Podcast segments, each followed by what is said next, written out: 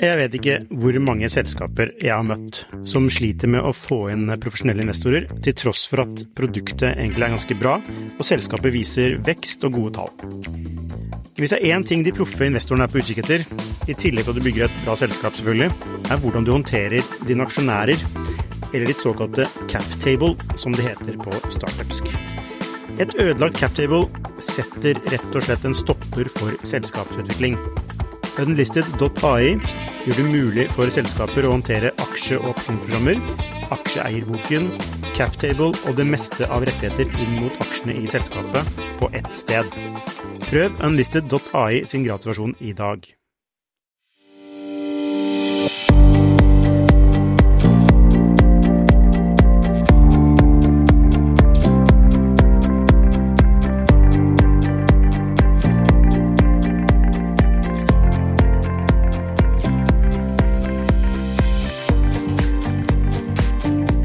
Hi, and welcome to Shifters Podcast. Today I don't have only one, but uh, two successful founders with me. First of all, Tony Xu, the founder and uh, CEO of DoorDash, uh, with a market cap of uh, $26 billion. Is that correct?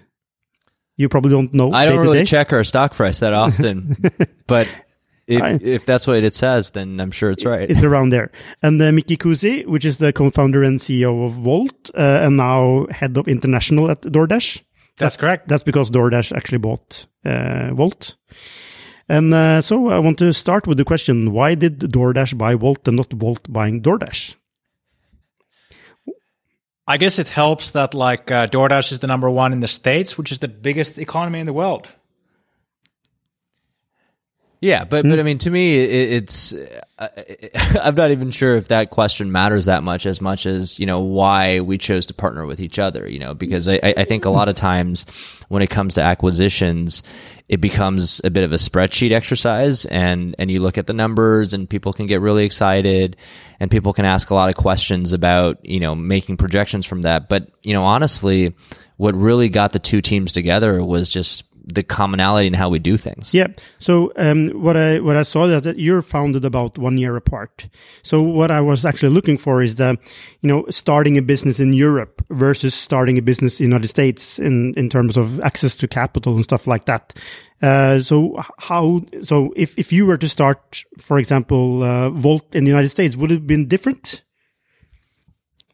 I don't know. Like every company looks like uh, basically their upbringing, upbringing, and this journey that they've gone through. Um, and I think we have a lot of similarity if you look at DoorDash and Wolt. Like you know, we both started around. I think DoorDash started in 2013. Uh, Wolt was founded in 2014, so around the similar time frame.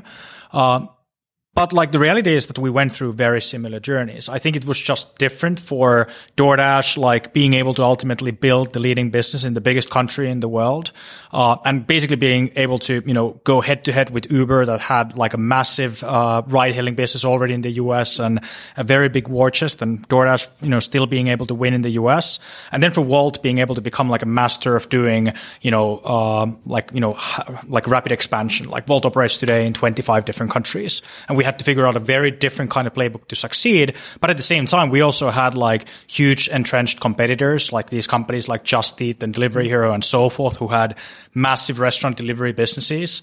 Um, in the countries where we started in. Um, and then, of course, every one of our competitors basically having like 10 times or even 100 times our funding. So it's similar journeys in similar timeframes, but having to be, you know, deploy very different strategies to be able to get where we are today. So when you have like this dif- different access to capital, do you, are there like differences within the companies in terms of what the, the the journeys you've been on, or are they pretty similar? You you mentioned it somewhat. They're actually quite similar. I mean, I, mm-hmm. I, I think sometimes you know this is where the the details become more important than the averages because I, I think you're right on at the aggregate. There probably is more venture dollars in the United States than say in Europe. But in the story of DoorDash, that actually was not true. Uh, DoorDash had a very difficult time fundraising for, you know, the, the better part of the first six years of our company's history. I, I- think a lot of times people look at DoorDash's um, position today in the market and then kind of tell a very simple, nice story of uh, of its you know willingness to uh, or ability to, to you know um, access capital. But in let's see, when DoorDash went public around 2020, DoorDash had the vast majority of its cash balance, you know, in the bank. and that's because um, in order to for DoorDash to have survived, let alone you know outcompete in the market, DoorDash really had to win by building a better product. And it's very similar to the to the Wolt story, where there wasn't a lot of capital. DoorDash couldn't raise funding from the years of 16, 17, 18, but the ability to outcompete really came from building a product that had higher retention and order frequency, which is exactly what happened at Wolt.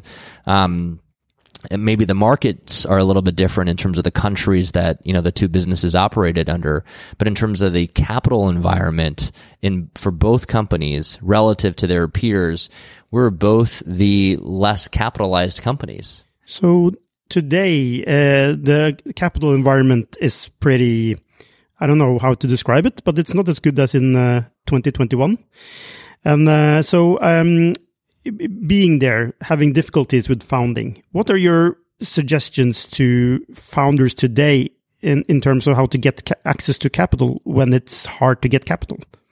Well, I think it's a great time for founders because it's back to basics. You know, I think when you have moments or periods of excess capital, you know, such as 20, 21, 22 even to some extent, um, it's very hard to tell who's a winner and who's not because everyone kind of looks like they're a winner as they're spending money on growth and giving away free things and you know their products at a discount. Um, and when all of that goes away and the rubber meets the road, you now have to see whether you have a product that people find worth paying for. And and so it's really back to basics. So I think it's a great time to be a founder now versus in 21 when everyone, you know, looked like a winner, but it was a mirage it was fake. And I think now, I, I, think founders really get to differentiate themselves by building a better product. And so when you're in this, when you're in the f- truly founding phase of a company's life, you're in search of product market fit. And I think um, the best founders with who, who are able to navigate that search for product market fit. I think they're the ones who are going to be able to separate themselves. So, how do you define product market fit? And how do you know if your product is really, really good? Well, I mean, it's different for for I, I, think consumer products versus eh, you know B two B products, and there's many ways in which you can define this. But the best metric on the consumer side tends to be the retention metric, which is very very hard to fake. You can mm-hmm. fake growth, you yep. can um, you know the, you can fake revenue, you know the quality of revenue uh, i think in a lot of companies is now starting to to show itself. But it's really hard to fake whether or not someone's going to keep coming back to your product and using it without a discount without a promotion on their own accord and paying you especially if it's a paid product. So how how, how was uh, your retention rate in Wolt yeah, I mean, we always focused on retention. Like my background is in, uh, in like I, uh, you know, founded a conference called Slush, which I, which I spent many years building, and then I spent a short amount of time in the gaming industry in a company called Supercell, which, you know, has become successful mm. with games like Clash of Clans and and Hay Day. And I remember at Supercell there was a saying that like uh, you know, similar to what Tony said, that like, you know, a successful game comes drive down to three drivers. One is retention. The other driver is, uh, is virality. Like how do people mm. recommend or don't recommend the game forward? And the third one is monetization because ultimately that, you know, makes, uh, you know, your ability to, you know, expand to new markets, market the game and so forth. But the most important driver is retention because if people don't love something, if people don't come back to something, you can't fix that. You can always like introduce viral components into your games or products or you can improve monetization monetization if people really like something or love something. So Wolt was hyper focused on retention since day one. Um, and that's, that's always been kind of the number one metric that we've looked at as a company. What I love about our industry is that we kind of have to find product market fit again and again and again in every city that we expand to, not even talking about countries. Because people in a city don't really care about whether people in another city, even if it's in the same country, you know, what, you know, product they're using. They care about, you know, do we have the best restaurants, the right grocery stores or shops or stores in the city? Like they care about, like, if, you, if I order now, if I order tomorrow, if I order during a lunch peak or a Friday evening, you know, how good is the experience? What do we promise? Do we stick to that promise? Is it quick? You know, is it an inexpensive service? Like we have to find that product market fit over and over again. But how do you balance that with standardized uh, scalable product because that's you know it, it's hard to to be both uh, customized and scalable at the same time. So how do you do that what we found is that like people are more similar than dissimilar in you know everywhere in the world. Like Wolt operates mm. today in 25 countries from like you know nordic countries to israel from germany to japan. And uh, what we found is that like people are like you know mostly quite similar. Like we love convenience. We mm. all need to eat you know every day multiple times a day. There's restaurants everywhere. Uh, so ultimately you can build like a product and technology that services is like very different parts of the world. But you're always going to have that you know let's call it 20 20 or 30% local nuance that you have to capture. Okay. And that's why our business is so hyper. So if you don't capture that local nuance, it, it could be the difference between product market fit and not product market yes. fit. Is that what you're saying? Yes. And that's why we always have like a local team with a very high level of ownership in every country where we operate in. But you both had problems with getting funded, but you need a product to get to find out if you have product market fit or not. So how, how did you manage that? Well, I mean, true retention, it, you know, doesn't come from spending money you know, true retention comes from building a product that customers are voluntarily paying for. And so it, it's not about, you know, getting funded to get the retention. I, I, I think if it, mm. if a product, you know, sometimes does require a little bit of marketing to get the flywheel spinning, but if that's the only driver of mm. growth where it's paid marketing, that's usually not a sign of product market. So, how did the DoorDash product look like when you discovered retention? How was it really really, I don't know. How can you describe it? Did you, was it manual uh, mostly, or was it, how deep of a product was it? Well, it's a bit like what Mikki was saying, where you can always improve upon that metric. If you think about, you know, a product like Wolt or DoorDash, we're always judged on four things. We're judged on what stores we carry and, and, and can bring to you. We're judged on how high quality the delivery is. Were we on time? Was the order accurate? We're judged on how expensive or affordable the service is. We're judged on how well we perform customer support, especially when something goes wrong. And those are the elements that dictate the entire product. I wish I, it could just mm-hmm. be one thing. Yeah. In, in no, no, we yeah. get right but candidly, it's something that we have to do well. And, and when, you know, as Mikki was saying, we have to get this right neighborhood by neighborhood, city by city. And so we can have different levels of product market fit based on, you know, uh, how well we score on those dimensions. So how do you ensure that you get product market fit in different places? You need to like hire pretty much small founders to run the team or yeah, I mean, I think the first thing is you you have to know what are the metrics that matter right? That actually, we, we call them the inputs. What are the inputs that actually govern the output, which in hmm. this case is the retention and the order frequency? But I think after having a strong point of view on what those are, and then ide- ideally being able to quantify the relationship between the input and the outcome, then you have a formula that can be repeatable. And, and, and to your point, if you have great local teams that can deploy that formula, you know, that's really how we can accomplish it. So it's not one thing. I wish it was just, oh, an amazing local team. And, and mm. maybe that works for a certain, you know, market, but it doesn't really work repeatably across all markets. So a team with a formula. A, a team, a, te- a, team that can execute with a formula, and, and I think and each product and technology, yeah, yeah and then mm. the technology to actually scale it, right? Those are the ingredients. I mean, it, it, each one of these are difficult to create in of themselves, but you have to do all of them. Yeah. So, did you at Wolt arrive at the same formula? As, so uh, this is for the same four elements that uh, Tony described. We actually, funnily enough, did. Like, I think ultimately, mm. uh, the most surprising thing about you know DoorDash and Wolt coming together for me has been how similar like the outcomes that we figured out over the years ultimately are. Mm. Like, you know, we've solved similar problems in very different kinds of contexts, ultimately in not so dissimilar ways. Um, I think when it comes to like on the Wolt side, we've called the formula like the playbook. I remember like one of our investors was the CEO of booking.com from a small company to one of the biggest like online services in the world. And he always talked about that you have to build a playbook for expansion. Hmm. And I used to think about that there's like this literate like book somewhere that is like the playbook of how you do it. And, but what it actually is like, it's best practices about, you know, how do you launch a country? You know, how do you make sure you have the product market fit? Like when can you launch a new city? How many restaurants or stores do you need to have? Hmm. How many many like couriers do you need to have online on day one? How do you get the customers? You know, where do you find the first hundred customers, thousand customers? Like this is what like the formula or the playbook is all about. Like, you know, how do you do that? And ultimately, if it's the same business, the playbook is going to have also similarity. And then it's going to have differences based on which part of the world you're in. Hmm, interesting. So uh, let's say you both were founders, uh, and then this is going to ask both of you. But let's say you both were starting new companies today. what would be like the first steps to get this product launched and get it on uh, into the hands of uh, consumers?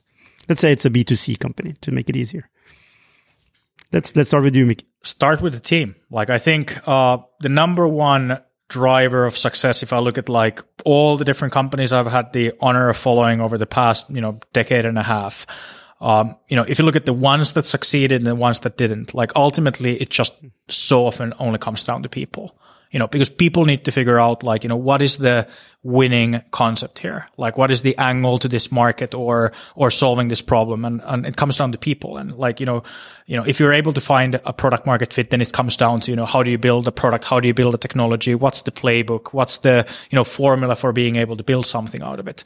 Uh, but like ultimately all of these businesses, especially at the start, are people businesses. So you should actually use all your energy on finding the right people. Yes. Yeah. And how do you find the right people? Tony. I think this is a tough one. I mean, th- this might be the the hardest piece. Uh, you know, finding and composing the right team is different at every stage. I think in the beginning, you want people who are learn it alls. You know, who execute with extreme rapid pace and have the humility and flexibility to stay open minded. Because, you know, to Mickey's point, we should definitely be married to our vision. Jeg vet ikke hvor mange selskaper jeg har møtt som sliter med å få inn profesjonelle investorer, til tross for at produktet egentlig er ganske bra, og selskapet viser vekst og gode tall. Hvis det er én ting de proffe investorene er på utkikk etter, i tillegg til at du bygger et bra selskap, selvfølgelig, er hvordan du håndterer dine aksjonærer, eller ditt såkalte cap table, som det heter på startupsk. Et ødelagt captable setter rett og slett en stopper for selskapsutvikling. Unlisted.ai gjør det mulig for selskaper å håndtere aksje- og opsjonsprogrammer, aksjeeierboken, captable og det meste av rettigheter inn mot aksjene i selskapet på ett sted. Prøv unlisted.ai sin gratisversjon i dag. For you know the direction we want to take a product or a, or a company, but we can't be married to the details. Those things are going to change by the way even even winning formulas um, don't always stay winning formulas and so i think you know in the beginning um, if you can find a group of committed people who want to do things in the in a similar ways. I don't mean have the same ideas, but but have the same standards for excellence, the same beliefs in how we should operate as a team and how we should handle conflicts. Um, I think that's the group that can have the best chance at finding their way towards product market fit. So pretty much the same values. The same values hmm. and, and, um, across many dimensions though. You, you, know, I think sometimes values um, touches on a lot of things that are um, very true to to I think defining moments in a company, but a lot of in the early days, uh, or, or, frankly, whenever you're searching for product market fit, it's a grind. It's it's not something you know. DoorDash er, early days was doing five to ten orders a day for many months in a row. Hmm. There's not a lot of discussion around values when you're doing five to ten. You know what I mean? Hmm. and, and, so it, it's a survival um, mentality at that point where you're constantly trying to actually find product market fit. Hmm and that takes experimentation that creativity i talked about the, the, the the stubbornness to stick to the idea while having again the the lack the, the, the lack of stubbornness or the flexibility to be to be open about how to get there. So that's a really really interesting uh, uh, uh, thing you're mentioning there because a lot of founders have a lot of ideas. And uh, they they find eventually find out they need to focus. So how to balance the need to expand uh, in terms of ideas with the with the need to actually focus and and, and focus on one idea. Did, did you guys try a lot of things? Well, I mean, I, I would say uh, the short answer and Dora, the answer was no, and, and, the reason was because you know until you we've earned the right until we've done a great job solving one job for a customer, we haven't really earned the right to solve the next hmm. job. Mm. So I think it's great to have a lot of ideas on how to solve the first job. I don't think it's great early on when there's limited resources in every dimension in which you can measure resources. Um, that it's a good idea to kind of spread all over the place, right? And by, by, the way, usually when you are spreading all over the place, it means that you don't have conviction in any one of the ideas. Mm. Did you spread a little bit in Wolt? No, like or were you focused on uh, food delivery all the time? I'm a big believer in focus. Like, you know, when we founded Wolt, this was back in 2014, we kind of saw that, you know, the world is going online and more or less like every industry and every human activity is ending up with like a, like an updated version based on, you know, how can the fact that like everyone is connected online all the time make those things better? Um, and with Wolt, we kind of started asking ourselves, what is going to happen to, you know, you know, the shopping malls to like all the different shops and stores and like shopping malls and streets and like, um, and we asked like, how are these, you know, going to become better for consumers, for the businesses themselves because of the world going online? And our hypothesis was that, you know, the restaurant is the biggest local service. People eat every day, you know, so how can we make this better? For the fact that people have a phone in their pocket. And we were committed to figuring out a way to, you know, make this industry, industry better for consumers, for merchants. And ultimately, we just found this kind of magical product market with, fit with delivery. And after that, we just obsessively focused on that for, you know, first basically five years of our existence. But did you know you, you knew about DoorDash before you started, right? No. no, you didn't because you were started one year before. So you didn't. It's not, it's not like So- you look at DoorDash and oh, we're going to do the no. European version. Of So I think the important thing to note here is that when we founded And when Tony founded DoorDash, there was no industry. There was no like, you know, this is a massive opportunity and like we should be doing this. Like there was, you know, a bunch of companies that were had raised some millions of like dollars or euros, you know, trying to figure out different problems. I I remember hearing of DoorDash, you know, around the time that we founded Wolt for the first time. But for me, like we were a restaurant company and DoorDash was like a delivery company. That's how I kind of thought about it. And then ultimately we found that for the restaurant, the magical thing uh, was delivery. And I think for delivery, the magical thing was the restaurant. Yeah, I mean, if I remember correctly, Wolt started as a, a pickup app. Yeah, we started with pickup. Our our vision with Wolt was that we're going to do pickup, delivery, reservation, discovery, and then we're going to expand to like other local services. Yeah. And then we saw with delivery that like hell, this is what people really want. so do you do you only? I'm sorry uh, for my ignorance, but do you only do food or do you do other st- services as well?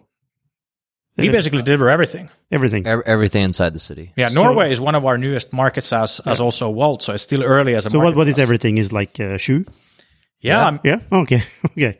Groceries, convenience store items, retail shops, flowers, Flowers, electronics. alcohol. Okay. So so do you aim to be like the the last meter or last mile within the cities? Is that your or or or also in the rural areas? I mean, DoorDash covers like 97% of the US population. Yeah, we cover. Um, I I mean, that, that's exactly right. We cover um, very high 90s percentage of households, including you know cities that have fewer than 5,000 people. Really? So I don't know if you consider that rural. I don't know. I I grew up in a town of 800 people. So again, I don't know your Oh. definition of rural or, or not rural. I think that's a definition of rural. yeah, it's, it's certainly smaller than Oslo. Um, But but yeah, I mean, I, I, if you think about what makes local commerce so great, in any decade that it's ever been studied or measured, it's always the greatest producer of GDP for a city. Right, all the small, medium, and large shops, what, what, whatever they are, flower shops, the barber, the restaurant, the grocery store, the, the, the gas station, Yeah. all, all of those businesses combined, they are the vast majority of jobs and economic progress for that city. That's been always true. Yeah. And, But- and, and that's true in a rural town, Yeah. and that's true in you know a metropolitan but area. don't you need a certain amount of density to make it, you know, profitable in you a know, sense? you know, I don't think that's how customers think about things. You no, know, I mean, like- I mean, like uh, business people think about things. So to give you a sense, to give you a sense, like uh, Finland is a country of five and a half million people. That's our home country. Uh, we operate today in around 80 cities in Finland. And for context, in Finland, there's maybe five cities. So we're talking about like really small, you know, towns Yeah. uh, for the most part. Like this kind of model, like if you have the right setup and the right product and the right technology, you can operate in very rural environments. And this hmm. is what I'm saying. You can't get married to ideas, right? And, and you said something very important. You said, "Oh, this is the way business people think about something." Every you know company needs to start by thinking about what, how customers think. Customers don't care about what business people think, right? Customers care about what's great for customers, and it's you know our jobs as founders to first start and build a product that customers love, and then turn it into a business Yeah. you know, that actually can make sense. But I think if we start with the idea, um, or, or the kind of affiliation that there must be a quote unquote density, to use your words, you know, tied to a certain type of business, that restricts a lot of the imagination possible on what could be possible. And, and, and I think this is what I me- mean by, I think it's okay to be stubborn and, and, and hold firm in our vision that we want to build the local commerce company globally, every city, every country, every category. But it's not okay to be married to how we get there No. or married to what preconceived notions there might be because the world is always changing. I mean, take for example, when DoorDash, you know, was started in the US, the canonical belief was that you should never do logistics. You should just work with restaurants that offer their own delivery. But that was missing 99% of the market. You know, the vast majority of restaurants, uh, you know, in the US did not do their own delivery outside of pizza and maybe some Chinese food and things like that.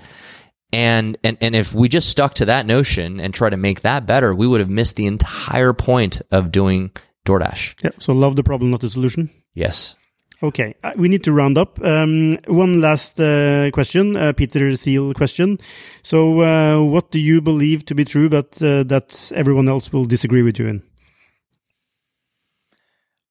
I think a lot of people like to move on to the next thing uh, before the previous thing has, you know, had the possibility to become as significant as we believe it to be. Like right now, a lot of people are talking about AI, and I think AI is like probably the most significant thing that we will see in our lifetimes.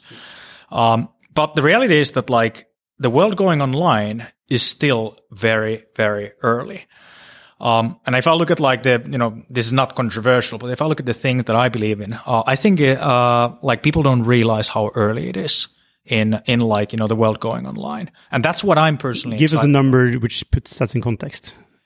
In so to give you a sense, uh, like if you look at the US as an example, uh, of the US retail industry, uh, or all of all retail in the US, like you know, around twenty to thirty percent, high high twenties, I believe, High teens. high teens. It uh, it was like high twenties in It became high 20s during COVID and it's re- kind of reverted back to the mean trajectory, which is high teens. So, this is one of my less- favorite. Less than 20%. Yeah, let's so let's call it like somewhere roughly around twenty percent. This number was basically zero 20 years ago, and now let's imagine what the number is going to be in twenty years, or forty years, or fifty years, or hundred years. Yeah. And now take the fact that like if you look at Europe as an example, we are not in in the twenties even. We're not in the teens. Like I think we're in like low single digits in most European countries, and I believe like eighty percent of these industries will end up online.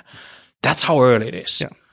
Okay, interesting. Um, uh, Tony, what is your I'll, controversial? I'll, I'll, I'll give you two. I, I think one's becoming less controversial, but uh, but I'll give you two. I, I think the first is, uh, you know, I just want to piggyback on what Mikki said about e- the the fact that I think everyone's kind of gotten familiar with e-commerce, and so I think they think, oh, everyone buys things over the internet, but the percentage of a business, local business, that's actually being digitized, you know, part of that is the ordering experience, what Mikki's talking about, but but everything from marketing, customer support, analytics, everything that a business has to do a tiny, tiny, tiny, tiny fraction of that is actually digitized and using technology today.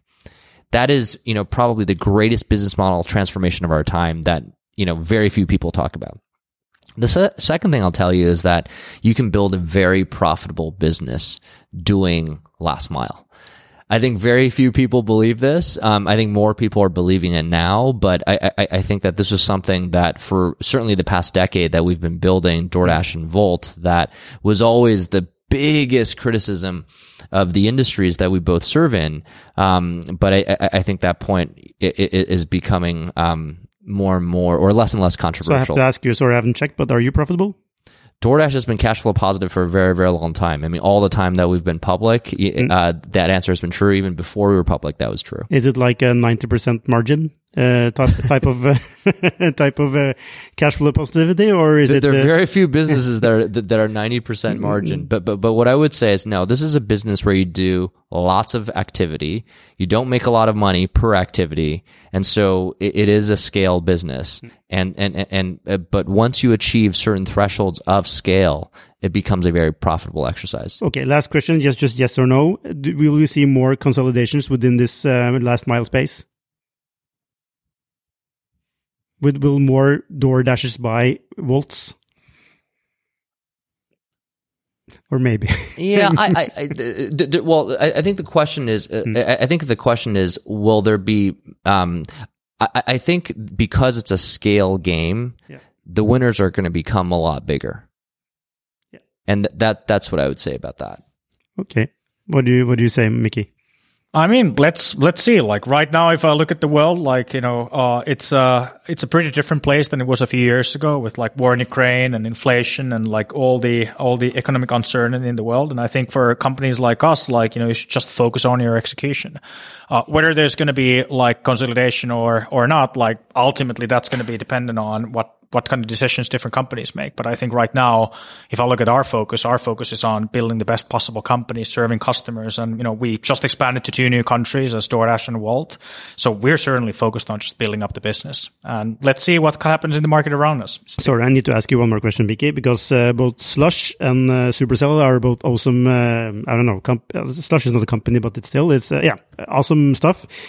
Uh, what did what helped you being a serial founder when you founded Wolt? What what was the one thing that helped you being a serial founder? Hmm. I don't, I don't know. Like, uh, I've always been curious about like, you know, things that I see in the world around me. Like I saw that, okay, the world is going online and there's this like, almost like industrial revolution we're going through right now. And it seemed like Europe was getting left out. And that's, you know, why we started working on Slush. Kind of the thinking was that, hey, we can build these companies out of Europe as well. They don't all need to come from like, you know, China or the US. Uh, and with Wolt, the curiosity was that you know, the world is going going to go online one way or another. What is it going to be for the small shops, for the local restaurants, and so forth? And you know, for me, these are exercises of curiosity. Uh, you know, first and foremost. Of course, you learn a lot about people and about like different best practices and war stories, and you meet investors and um, you know, so forth. But ultimately, every company is a journey, and you need to go through that journey. So there is no one thing. There's no one thing. Definitely not. so the company's journey. All right, guys. Thank you very much. Uh, I wish you all the best on your uh, on your uh, second stage journey. Uh, so, are you? Uh, what what is next step? So, what will be the next step of DoorDash now in in terms of uh, global domination? Well, I, I, think I think we're pretty early on, on our journey um, uh, globally. But look, I mean, the first decade for DoorDash was really trying to you know make a difference in the restaurant industry, and and I think we've made um, some of our mark there. Um, you know, this next decade, um, it, uh, with both DoorDash and Wolt in all of the markets that we're in, is about trying to make a difference in all categories inside of a city. And and I think it takes a while before we've earned that right, but it's a really uh, fun privilege and journey to be on. Thank you, guys. Thank you very much. Thank you. Hei, hvis du likte denne episoden, så abonner på den, og gi den gjerne en femstjerners rating med dine tanker. Hvis du er interessert i temaene vi tar opp på denne podkasten, så anbefaler jeg deg å gå inn på skifter.no. Og hvis du mener vi fortjener det, så kan du gjerne støtte oss ved å abonnere på Skifter. Takk for at du hørte på, så ses vi neste uke.